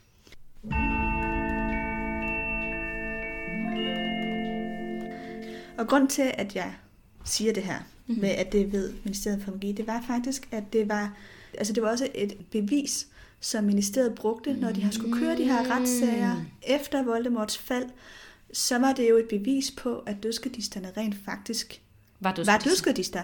Fordi det var jo kun inderkrisen af Voldemorts tjenere, som fik det her mærke. Det var meget, meget svært at få. Det var kun en meget, meget lille inderkreds. Så, så det, at de havde det dødningehoved, som det jo ligner, ja. Tatoveret, det var i sig selv et ret væsentligt bevis for, at de kan ikke have handlet under imperiusforbandelsen, fordi Voldemort ville ikke give det tegn, mindre at, at de var ægte dødskadister. Præcis. Han har kun givet det til de allervigtigste. Og det er jo den gruppe, som vi ser møde op i slutningen af bogen her Præcis. ved gravstedet. Det er jo dem, der har den her tatovering. Ja, blandt Øhm. andet, der er jo så også Karkaroff og Snape, der har den Ja. her tatovering. Præcis, præcis. Og de har jo også været vigtige spillere i det her. De, har, de vælger jo så bare ikke at komme Ja. af forskellige årsager. Ja. Og det er jo også interessant. Ikke? Jeg tror også, øhm, at det bliver nævnt, at Snape aldrig bliver stillet for en retssag. Han er jo aldrig blevet mm. dømt sammen med de andre dødskalister. Han er jo aldrig... Han har ikke skulle vise sin arm. Nej. Altså, han har ikke været tvunget til det.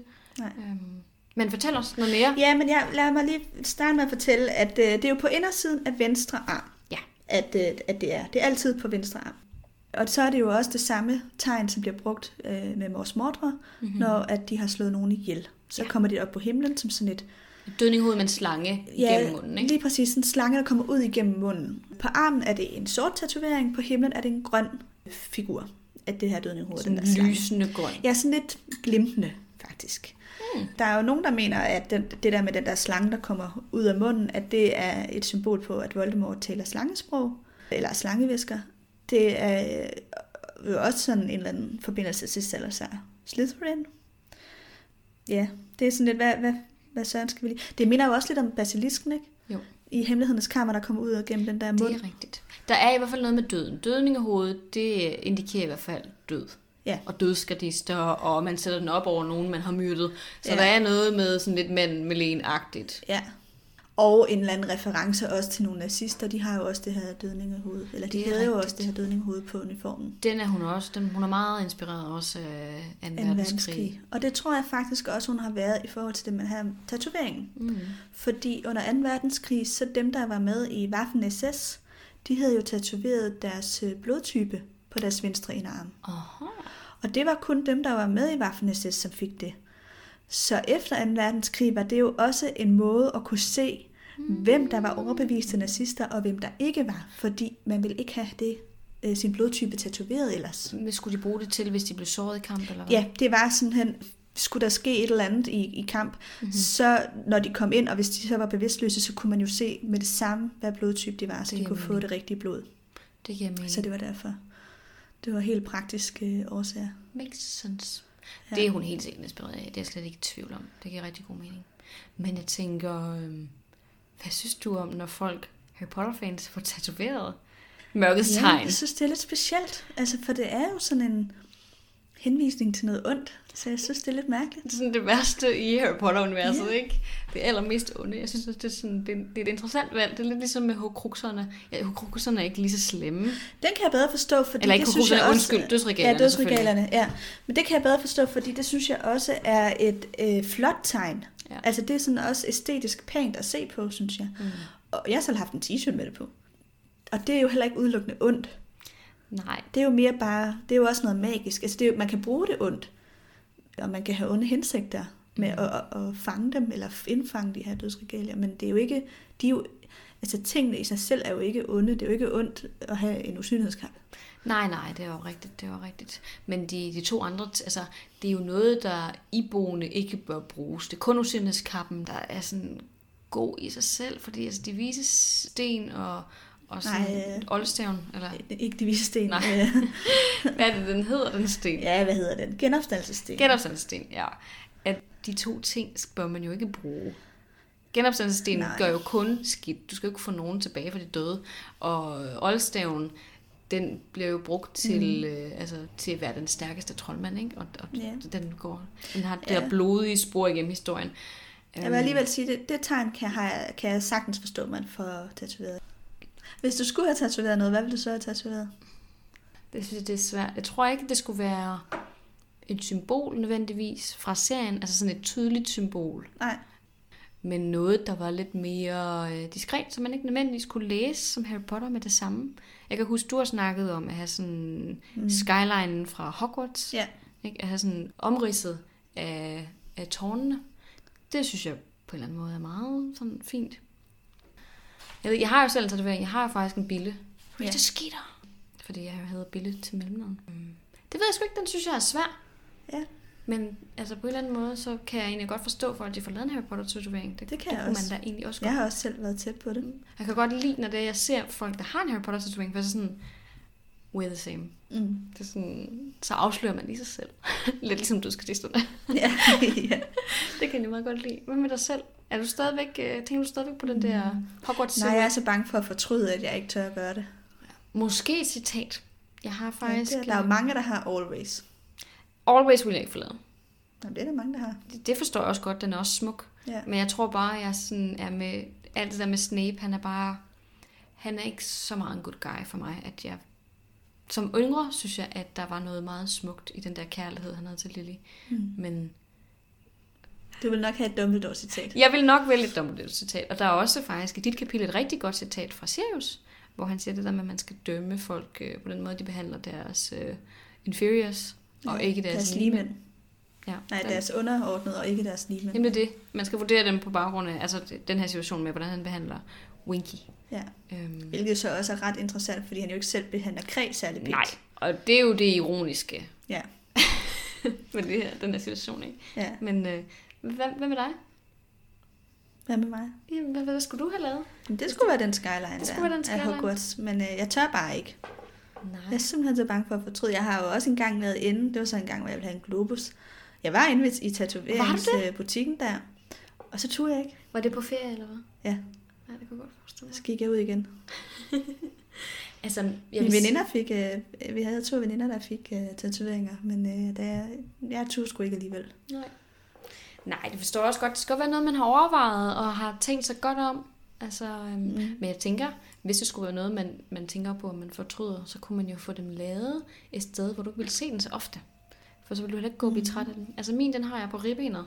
Så jeg øh, ser den forholdsvis sjældent faktisk. Mm. Altså, og andre mennesker ser den stort set aldrig. Det er kun, når jeg er i bikini, sådan set. Fordi at den, den sidder bare et meget diskret sted. Så du vil heller ikke selv gå og tænke over den hele tiden. Nej. Og så når man heller ikke rigtig at blive sådan træt af den. Det er rigtigt. Så Ja, der er i hvert fald løsninger. måske engang. Maybe sometime. Ja. Øhm, Tilbage til tilbage til de sidste ting. Altså, øh, mærket bliver jo tydeligt, når det ikke har været aktivt i lang tid. Og det er jo det, der øh, så er ved at ændre sig nu. Ja. Fordi Voldemort får mere og mere styrke. Mm. Eller der er i hvert fald et eller andet røre omkring Voldemort, som måske snart får mere styrke. Og det betyder, at det her øh, tegn, som jo ellers i lang tid på Karkaroffs og, og Snapes arm har været ret utydeligt, Ja. lige pludselig har fået mere farve igen. Mhm. Mm-hmm. Altså det, man skal nok tænke det lidt som en tatovering, som fader lidt efter lang tid. Ja. Jeg forestiller mig også lidt af det her, øhm, hvad hedder det, sådan white ink, som nogle de får lavet tatoveringer i, hvor det sådan, altså, det, Det er det, er bare sådan meget, meget, ja præcis, det er meget, meget lys. Så Ja. der er bare sådan et, et omrids, og det er det, jeg lidt forestiller mig. Så man har godt kunne skjule det. Det er det ikke her. Men det det, bliver det efter, at Voldemort oh. dør helt. Okay. Øh, tatoveringen, eller hvad man skal kalde den, forsvinder aldrig. Men den kommer til at... Den, den bliver øh, efterhånden øh, mere og mere som et ar. Okay. Lidt, øh, jeg fandt et sted, hvor der stod, at, den- at den øh, mere og mere lignede Harrys lyn. Altså oh. som det ar der er. Ikke? Så der er et tydeligt omrids af den. Altså det er Okay. tydeligt at se den.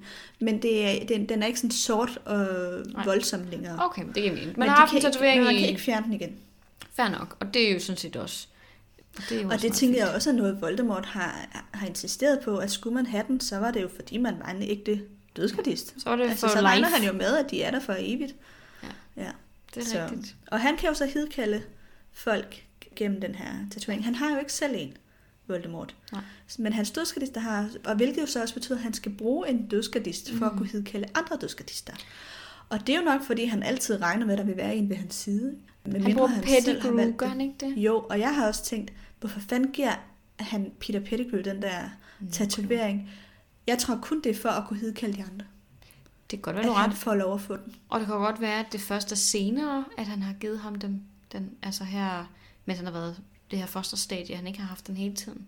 Ja, det kan jeg ikke lige huske. I filmen får han det jo... Nej, der har han det der. Ja, jeg, kan, jeg kan ikke huske, hvornår Pettigrew får det, men i hvert fald tror jeg kun, han får mørkets tegn, fordi Vol- Voldemort skal bruge ham Ja. til at kunne hidkalde de andre. Jeg tror, du har ret. Det er ikke, fordi han ser ham som En noget særligt. Nej, for han bliver behandlet som en tjener resten af tiden. Han, Ja. Og det gør han jo sådan set også nu. Altså, han, han, får, han får aldrig den status hos Voldemort, som hans andre dødskadister har. Nej. De andre har han jo alligevel en eller anden form for en anden relation til, ikke? Altså, dem sætter han pris på på en anden måde, end han gør for Pettigrew. Ja. Pettigrew betyder intet for ham. Nej, det er kun på grund af frygt, at han er ved Voldemort, og det ved Voldemort godt. Præcis. Han ved har godt, det ikke handler om loyalitet. Nej. For. Dødskadisterne kan jo faktisk også hidkalde Voldemort Nå, gennem tegnet. gør de det der i bog 6? Øh, ja, der hvor at øh, Malfoy går, altså på Malfoys Øhm, Manor hedder det på engelsk. Ja. Hvad hedder det? Den Øh, gård, der de bor på. ja. Der fanger de jo Harry og hidkalder Voldemort. Ja. Og det er ved at bruge øh, tegnet. ja, han bliver meget, meget vred, da han så når kommer derhen, og han ikke ja. Er der længere. Præcis. Så det kan de, og det, og det, altså det må de jo også kunne gøre, hvis de har en meget god grund. Ja. Men øh, ja, det troede de jo så også, de havde, kan man sige. Det er fordi, de var de jo meget tæt på her, men øh, han nåede jo heldigvis Ja. at forsvinde.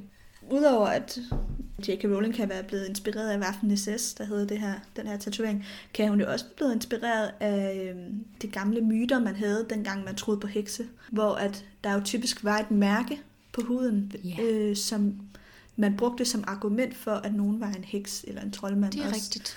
Øh, fordi det var et tegn på, at man havde indgået en pagt med djævlen. Det er tit sådan noget med, at de havde sådan en nipple et andet sted på kroppen. Eller sådan noget. Jo, eller et stort modersmærke et eller andet Ja. sted, eller sådan noget. Ikke? Så det blev jo også faktisk brugt som bevis i gamle dage, for at nogen kunne være en heks. Det er rigtigt, det er rigtigt. Ja. Så det kan hun jo også være blevet inspireret. Og det er sikkert en sammenblanding af nogle af de der ting. Men i hvert fald det der med, at man kan være mærket med noget, der gør, at folk de kan kende Dømme dig dig for, for noget, den. ja. Men også kende dig for den, du virkelig er i godsøjne. Ikke? Ja. At det er sådan, du bliver associeret med et eller andet på baggrund af et mærke, du har på din krop. Ja, ja lige præcis. Spændende. Ja. Og så har det sidste ting, jeg lige har til fri leg, det øh, kan jeg lige så godt sige med det samme. Det er vel også undersøge noget om Veritaserum. Mm-hmm. Fordi øh, Snape tror jo Harry med at bruge øh, Veritaserum i hans øh, morgenjuice, for at få Harry til at fortælle ærligt, om han havde stjålet noget fra Snapes skab. Ja. Og Harry bliver vildt bange og sådan noget. I bogen siger øh, Snape, at øh, forklarer ligesom, at man bliver ligesom tvunget til at sige sandheden, når man har drukket det her, og ja. man kan ikke modstå det. noget. I filmen siger Snape, selv Voldemort vil sige sine inderste hemmeligheder. Hmm. Det passer ikke, Okay. fordi man kan faktisk bruge, bruge oh. til at modstå den her elixir. Genialt. Så det er ikke, hvis man, er, hvis man behersker øklomanti, kan man godt øh, lade være med at fortælle sandheden. Okay. Må jeg lige tilføje noget til den her situation? Ja. Apropos oklomanti. Hvad er det, det andet, det hedder? Der er Øh, oklomanti, og så er der så den, hvor man så læser folks tanker. Oklomanti, der det- beskytter ja, ja, man sig, ikke? Ja, jo, det, det, det kan jeg ikke huske, hvad det hedder. Nej. Den anden i hvert fald. Ja. Begge de her to variationer af tankelæsning ja. kan Snape jo. Ja. Så det overrasker mig meget, at Ja, han ikke bare har det på Harry. tænkt på. Fordi jeg sidder og tænker, at han kan jo bare læse Harrys tanker Mm. lige nu, og Harry har jo også haft en følelse af, at Snape har kunne kigge igennem ham altid. Ja. Så det er sådan et, han kan jo sagtens prøve at trænge ind i hans sind og prøve at se, Har du stjålet? Ja. præcis, altså det er sådan, det ja. burde ikke være svært. Det kan godt være, at han har sådan en anden form for, det må man ikke, eller sådan noget. Det føler jeg bare ikke rigtig. Ej, det på, sådan- synes jeg ellers ikke sådan Snape. Og især så også, når han står og truer ham Ja. med sådan Veritaserum. Ja. Men det kan godt være, det er lidt et plothul fra J.K. Rowlings Ja, side, måske. at hun ikke lige har sådan... Eller ikke tænker, at Snape er stærk nok til at Ja. kunne gøre det her. I don't know. Der er i hvert fald et eller andet her, der sådan er lidt mismatchet, Ja. synes jeg. Ja. Men mega spændende. Og godt også at vide, at man faktisk kan bremse det med øklomanti. Ja, man skal tænke Veritaserum lidt som en løgnedetektor. Mm. Man kan også godt snyde en løgnedetektor, Ja. hvis man er så overbevist om, at man siger det rigtige. For eksempel. Mhm. Man kan jo godt overbevise sig selv om en sandhed, som ikke er korrekt. Ja. Så vil den jo ikke slå ud. Jeg tænker også, hvis, der, hvis folk de har ekstremt meget kontrol Ja, over deres krop, Præcis. og Hvis det, du har enorm selvbeherskelse, så kan du også godt styre en løgnedetektor. Ja. Mm. Så ved du, hvad, altså hvis du kan forberede dig på spørgsmål og sådan noget, så kan du vel også godt Ja. bestemme, hvordan det er, du vil reagere på det på en eller anden måde. Jamen, det kan man. Jo, folk, der har, har, er enormt dygtige til det. Impulskontrol, og, Mm. eller ikke, jeg ved ikke, om det er puls, men altså sådan at styre sine egne Ja, reaktioner, de kan, de kan jo også snyde en løgnedetektor. det, er Det minder jo lidt om oklumati. Det gør det. Ja. Det er jo nok helt vildt. Ja. Mega spændende, Amalie. Mm. Jeg tager jo så midt i en helt anden retning. Ja. Fordi nu skal vi jo snakke magiske væsener. det ved jeg, at der er nogen derude, der bare elsker. Og der er nogen, der ikke er så vild med det.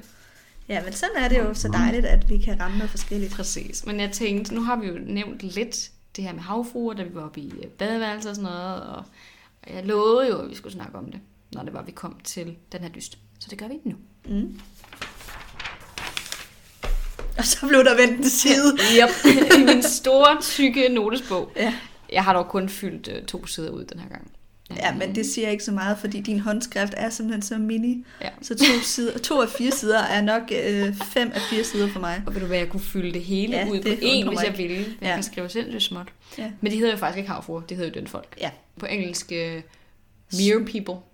Ja, jo, ja. Øhm, ligesom sådan, ja, mere. Der er mere, altså sådan havet på tysk, ikke? ja havfolk. Præcis. De er selvfølgelig også kendt som havfruer. Men det er sådan bevidste magiske væsener, der lever under vand. Og i det her tilfælde, der lever de i sådan en ferskvandssø, i sådan en lok. Men øh, der er også nogen, der lever i havet.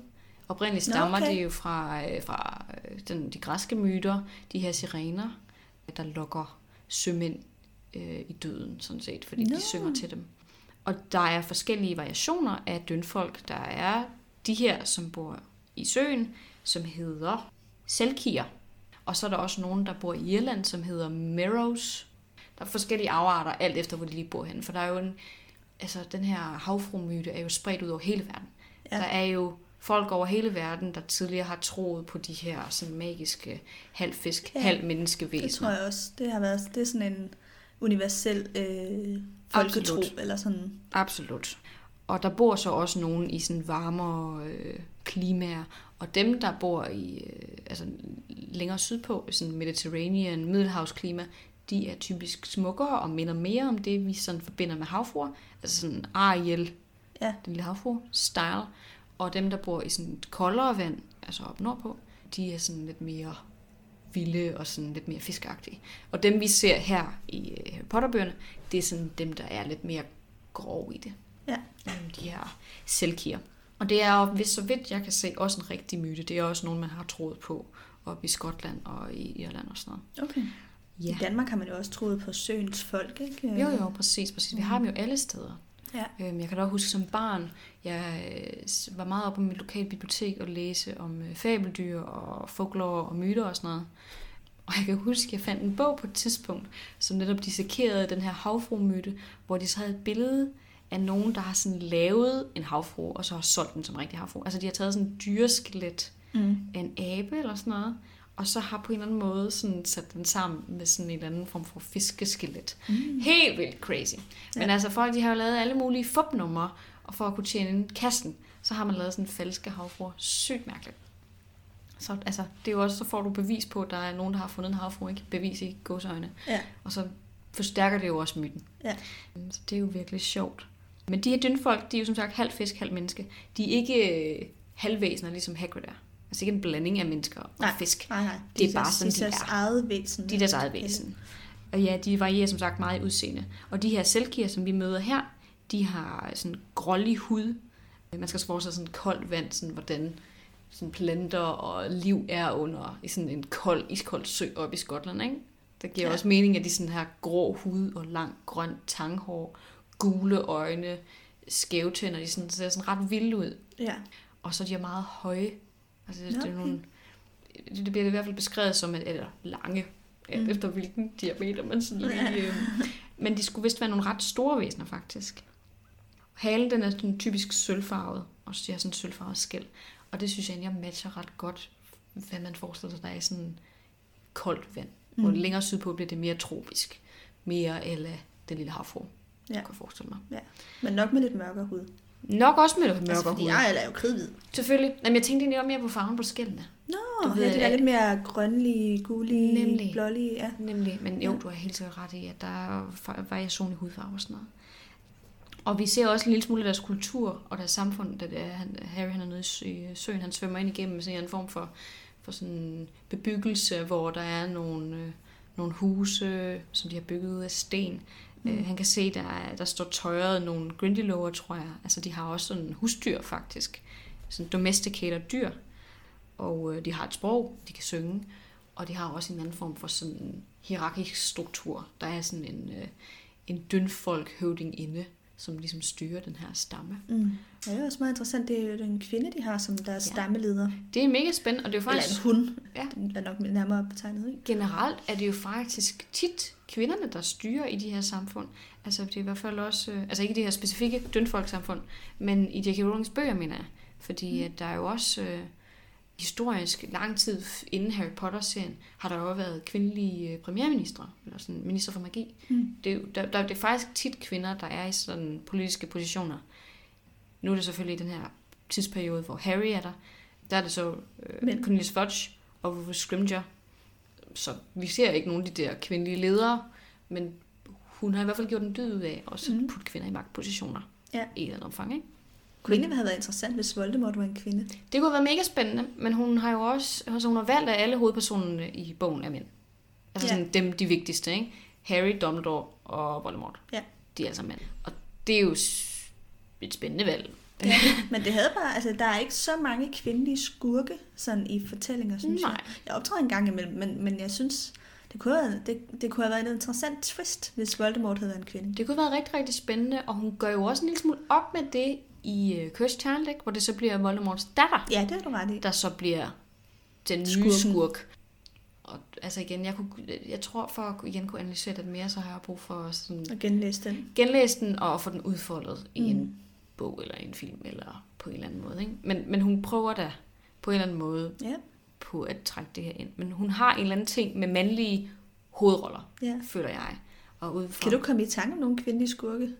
Umbridge, Bellatrix. Nå ja, nå, ja nu tænker jeg ikke Harry Potter, nu tænker jeg bare ellers. Altså en hoved. Altså, Disney-universet er der jo ret mange. Der er Ursula i, apropos havfruer, ja. ikke? og hende der er Maleficent. Ja, altså en roseheksen. Ja.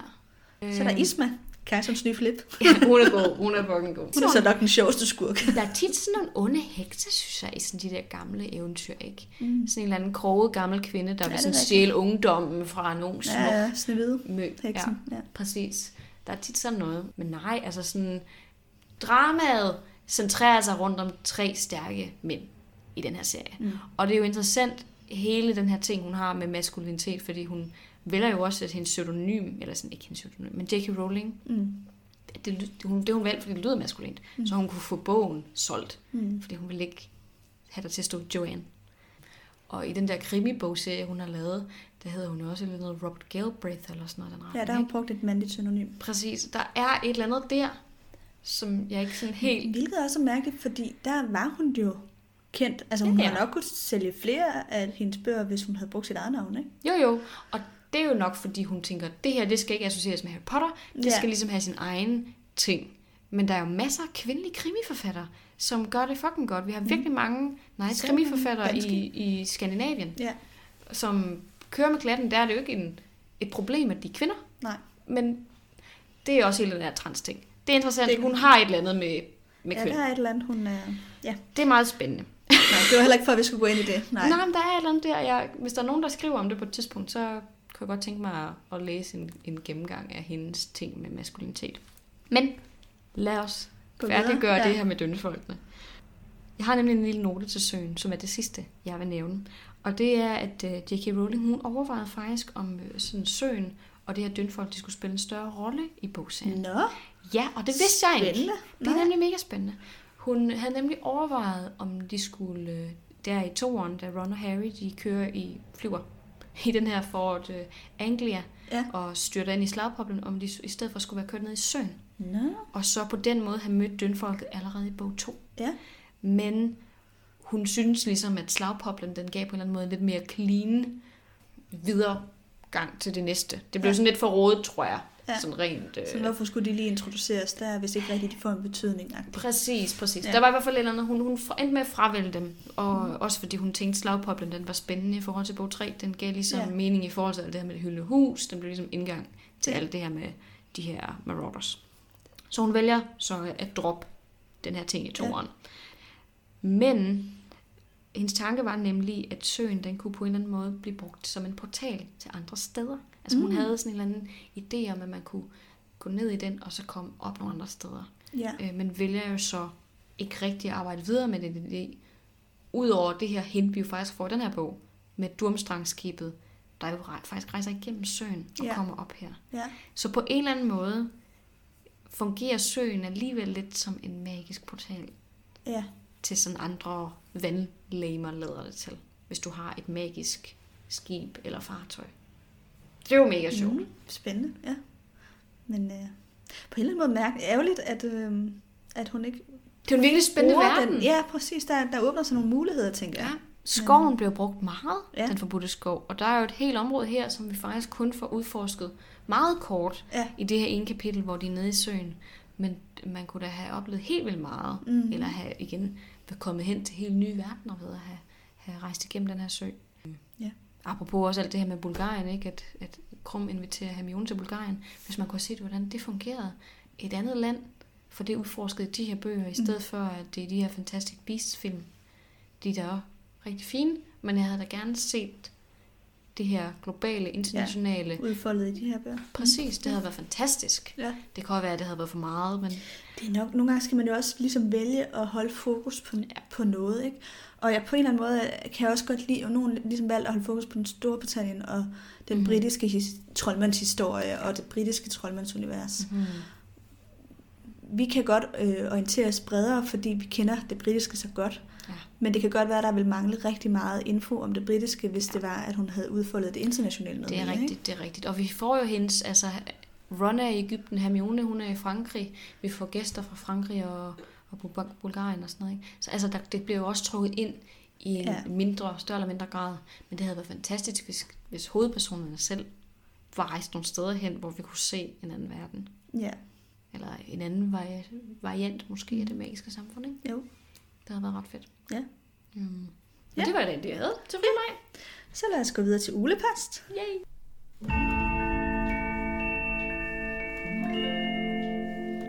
Jeg har taget øh, to spørgsmål med i dag. Og det ene, det er fra Trine. Fedt. Skal jeg lige se her. Jeg læser lige højt. Hun skriver, jeg er kommet til at tænke på det her med fuldblod, halvblod, mokler forhold. Mm-hmm. Bliver Ginny og Harrys børn fuldblodstroldmænd? For de kan vel ikke gå som halvblods, da hverken far eller mor er moklere, men Harry jo heller ikke er fuldblod. Mm-hmm. Der bliver aldrig nævnt kvartblods troldmænd. Og jeg synes det måske det er lidt mærkeligt, at der ikke skal flere generationer til, før man bliver fuldblod, fordi de får det til at lyde som om, at det er noget helt specielt, og som det kun er gamle slægter, som kan være fuldblods. Hvad er jeres tanker om det? Og det har jeg undersøgt. Fedt. J.K. Rowling er jo blevet inspireret af nazisterne. Det har vi også lige snakket om i forhold Mhm. til det her med, med mærket. Og nazisterne havde jo det her, de kaldte Mischling-testen under 2. Uh. verdenskrig, som Det har jeg var aldrig hørt om. det var den test, man ligesom brugte til at vise, om nogen var jøder eller ej. Sådan en racerenhedstest. Lige præcis. Og det var jo så med at kigge på, er dine forældre jøder eller ej, og er dine bedsteforældre jøder eller ej. Og så var der også en masse andre krav. Det, det er meget forsimplet det her, men det var ligesom de sådan, tydeligste tegn. Ikke? Hvis der var en blandt enten dine forældre eller dine bedsteforældre, som var en jøde, så var du også selv Okay. jøde. Så gik du under vislinger. Så kunne man være det i forskellige grader. Øh, Så nogen, man kunne være mere eller mindre. Mhm. Det er jo fuldstændig åndssvagt. Det siger sig selv. Ja, ja. Men det var jo det, man regimet ligesom havde der, og det er jo det, J.K. Rowling så er blevet inspireret af til at kunne lave den her forklaring af fuldblods halvbladets mokler i troldmandsverdenen. Og som jo så også får betydning under Voldemorts regime, ikke? Mhm. Det giver jo også mening i forhold til altså sådan noget apartheid nede i Sydafrika, ikke? Og det der med, at man blandede familier, at uanset om du bare har en lille dråbe blod, Ja. af altså afrikansk blod, ikke? så bliver du dømt som, Mm. mm. som sort, sådan Mm. set. Mm. Det er jo den samme ting, tankegang, der spiller ind her. Ja. At det er ligegyldigt, om det er en, Ja, en det, forfædre eller noget ja. som helst.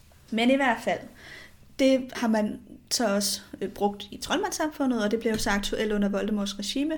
Og det er jo så også her sådan, at hvis man ikke har nogen bedsteforældre, som er født mørklere, så er man en fuldblodstroldmand.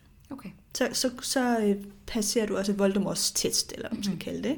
De begynder jo også at indfange mokler og sådan Ja. noget. I, det, det fylder ikke så meget bøgerne. Vi ser det, det- lidt i Man ser det lidt i filmen, hvor der jo faktisk kommer en ind, der skal forhøres, og han råber også, jamen, øh, min mor var troldmand, eller et eller andet. Altså, der, man fornemmer godt, der er ligesom sådan en eller anden form for øh, udrensning, hvis vi man kan kalde læser det det. også om det i bogen. Fordi Ja. ja. de er inde i, i Ministeriet for Magi, hvor det er, de møder den her kvinde, Det er rigtigt. som er ved at få frataget sin, sin, sin tryllestav, fordi hun er... øh, Jeg ved ikke, om hun er mokkelfødt eller halvblods øh, troldmand, men hun, hun er i hvert fald for tæt på moklerne Ja, til at... hun må egen tryllestav. Præcis. Ja, så der er jo helt tydeligt en inspiration her fra 2. verdenskrig. Det Ikke? mening. Altså, så, så ja, så man er en fuldblodstroldmand, hvis man ikke har nogen mokkelfødte forældre eller bedsteforældre. Mm-hmm. Så er der så også de familier, som er de der 28 særlige fuldblodsfamilier, ja. Ja. som man hører om. Og det er jo for eksempel familien Malfoy. Ja. Det- Longbottom er også en af dem, og Weasley er også en af dem, så vidt jeg husker. Nej, Longbottom, det tror det jeg. tror jeg ikke. Er hans øh, mor ikke... Øh, det, blev, det er lidt i tvivl om. Det Nej, kan- det, er- det er måske rigtigt. Jeg føler, at det er en af de sådan... De sådan Weasley-familien er i hvert fald. Weasley er 100%. Nå. Anyway, der er 28 slægter i det britiske troldmandsunivers, mm-hmm. som er det, man kalder sådan nogle ægte fuldblodsfamilier. Og det er, hvor man ikke kan spore en mokler tilbage i stamtræet. Altså hvor man kan mm. gå rigtig langt tilbage, og der stadig ikke er nogen mokler. Ja. Det er jo så ret sjældent, kan man sige, at det kun er 28 familier, der mm. stadig har det. Og det, der kommer jo så også til at være en masse indavl, fordi de kun vil gifte sig med hinanden og få børn med hinanden. Og det sker jo også, at der alligevel er nogen, det ved jeg, jeg mindes det også, vi kan have gået indgået noget historie på et tidspunkt, hvor der alligevel var noget, noget malfrø og noget hist og pist. Og, altså, jeg, jeg, tror ikke, at de er lige så gode til at holde det clean, som de påstår. Det kan godt være.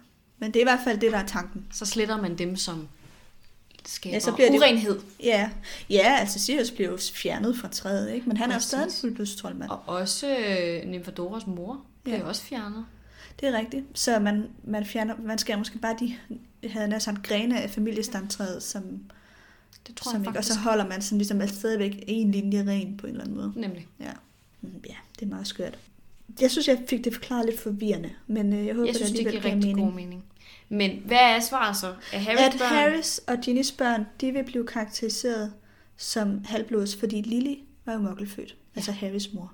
Det giver mening. Og, og der er ikke, det er rigtigt, der er ikke det her med kvartblod. Man, man, man skældner mellem fuldblod, halvblod og mokler. Ja. Ja. Så halvblod bliver jo ligesom brugt om alle Mhm. mm. indimellem på en eller anden måde. Ja. Ikke? Så Harrys børn vil blive karakteriseret som halvblods. Og det er jo også interessant, at Harry jo så også egentlig er halvblods, ikke?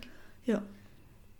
Jeg tror ikke, at det er noget, Harry går op i, vil jeg så sige. Nej, det tror jeg ikke. det tror jeg heller ikke. Og det betyder jo også, at Ron og Hermiones børn, øh, og ja, deres de er jo også børn, halvblods, øh, halvblods ja. præcis. Selvom at Ron han jo så også er fuldblod. Mm. Spændende. Så øhm, ja, det var et svar på det spørgsmål. Det er jo ret interessant det der ikke med, hvor mange ting J.K. Rowling er blevet inspireret af 2. verdenskrig Mm. for- omkring. Så meget hun er sådan en historienørd. Ja, det tror jeg også. Så er der et spørgsmål fra Julie. Hej Nana og Amelie. Jeg har lige hørt afsnittet, hvor I snakker om det sidste kapitel i bog 2, og jeg har en lille teori i forhold til, hvorfor herr Malfoy har taget Dobby med til Hogwarts. Vi får at vide flere gange i løbet af bøgerne, at man ikke kan komme til skolen ved hjælp af spektraltransferens. Men i bog 7 hører vi, at både Kræ og Dobby kan bruge spektraltransferens på steder, hvor troldmænd ikke kan. Hmm. Det får vi jo også se ud til grotten, Voldemorts grotte der, hvor han har gemt medaljongen i bog 6. Ja. Øh, min teori er derfor, at herr Malfoy har fået Dobby til at transportere sig til Hogwarts. Kapitlet foregår sent om aftenen, og man kunne måske forestille sig, at det var besværligt at komme til og fra Hogwarts, når nu det er sent på dagen. Om herr Malfoy har så godt et kendskab til husalfamagi, ved jeg ikke. Hmm. Jeg har tænkt lidt over det, og jeg tror ikke, at Malfoy tager Dobby med for at kunne komme ind på skolen. Jeg, jeg tror heller ikke, der er har... tale om et plothul. Ja, eller bare sådan en random placering, at Dobby han skulle tilfældigvis være her nu, ikke? Altså han skulle være med til den her situation. Ja. Så Harry kunne redde ham. Det tror jeg dog ret i, fordi jeg tror også, han har total øh, ligegyldighed over for Dobbys evner. Det tror jeg også. Eller jeg tænker så også, det kunne godt være i kraft af, at Malfoy er så højt placeret i Ministeriet for Magi, at han måske har en særlig tilladelse til godt at, at bruge spektraltransferens ind på skolen. Han er jo en del af bestyrelsen, Præcis. så jeg tror sagtens, Og jeg er han en del af skolebestyrelsen. Ja. Ja, så han har nok tilladelse. Det tror jeg også. Og det kan også være, at man bare transfererer sig ned for enden, altså uden for området, og så går ind. Ja. Fordi det er vel også det, alle lærerne gør. Eller at transferere sig til Ja. Hogsmeade, og så, Går hen til skolen, og så er Præcis. der... det tror jeg ikke, øh, ind. der Ja. er noget issue for. Man, skal, man kan bare ikke transfer- transferere sig ind i selve skolens område. Ja. Så vidt jeg har forstået. Ja. fald. Jeg slået det også op, øh, det her, og jeg har fandt så ud af, inde på sådan en fanside, Mm. at øh, i den amerikanske udgave af Harry Potter Mm. Og Hemmelighedernes Kammer, der er der tilføjet en sætning, som ikke står i den britiske udgave Okay. omkring det her faktisk. Og jeg kan lige prøve, øh, altså i den engelske, der står, eller britiske, der står der bare et eller andet med, at Malfoy øh, var rasende, og Dobby stod forvirret ved siden af, eller sådan et eller andet. Mm-hmm. Og i den amerikanske står der så, at Alfen bar på en øh, plettet klud, som han brugte til at færdiggøre pudsningen af herr Malfoys sko. Hmm. Til synligheden havde Malfoy haft travlt med at komme ud af døren, fordi hans sko var kun halvt færdigpudset. Okay. Og det kunne jo så tyde på, at han ved en fejl er kommet til at transferere Dobby med sig hen til skolen, fordi Oh. Dobby så åbenbart skulle have været i gang med at pusse hans sko, da han øh, tager hen til skolen. Det kan da godt være, at de har været midt i et eller andet. Eller han har været sådan, du kan lige puste dem færdig, mens vi er op på skolen eller et eller andet. Ja. Gud, skørt. Men det er meget sjovt, at der alligevel er taget sådan en frihed til at tilføje nogle ting i den amerikanske udgave, ikke? Jeg tror du, det er Jackie selv, der har tilføjet det, eller tror du, det er sådan overs, eller sådan det nye øh, forlag, Det ved jeg ikke. gjort det? Det er bare meget mærkeligt, synes jeg. Sindssygt At man ikke er mere tro mod bogen. Er det ikke godt nok pudsigt, at man vælger at tage det med? Men det er også det, vi opdagede med den danske, ikke? hvor vi manglede nogle sætninger i vores bøger i træerne. Ja, faktisk en hel side Mm-hmm. i bog 3. Sindssygt underligt. Ja. Virkelig, virkelig mærkeligt. Men det har jo så været en fejl. Ja. Det ved vi jo, fordi vi fortalte det jo til en, der skulle interviewe Hanna Lutzen, som har Ja. oversat de danske bøger. Præcis. Og hun vidste ikke. Og hun har ikke opdaget Hun det. har ikke opdaget, at der var en side, hun havde glemt. Så, øh, så jeg tænker simpelthen, det har været helt lavpraktisk nogle sider, der har været klistret sammen på en eller anden måde, at hun ikke Ja. har fået med. Jeg tror ikke, det har været et aktivt valg på nogen måde. Nej. Det lyder det i hvert fald ikke til på hende. Det er virkelig, virkelig sjovt. Ja. Altså, og selvfølgelig skal der jo fejl i sådan noget her. Man kan jo ikke regne med, at alt det er en til en det samme, når der man skal igennem så mange hænder, vel? Men Nej. det er virkelig øh, en pussy ting. Men Mega tak for spændende. spørgsmålene til både Trine og Julie. Det var mega dejligt. Mm. Vi har jo masser til de næste mange episoder også. Ja, der var faktisk også øh, en lytter, der skrev til os på et tidspunkt, om ikke vi kunne lave en ulepost-episode, hvor vi kun svarer på spørgsmål. Det kunne det vi jo godt overveje at gøre på et tidspunkt. Helt sikkert. Så bare køre en halv time, time, hvor vi bare besvarer spørgsmål. Ja. Det kunne vi jo godt. Mm. Helt sikkert. Nå, er det citattid? Det tror jeg.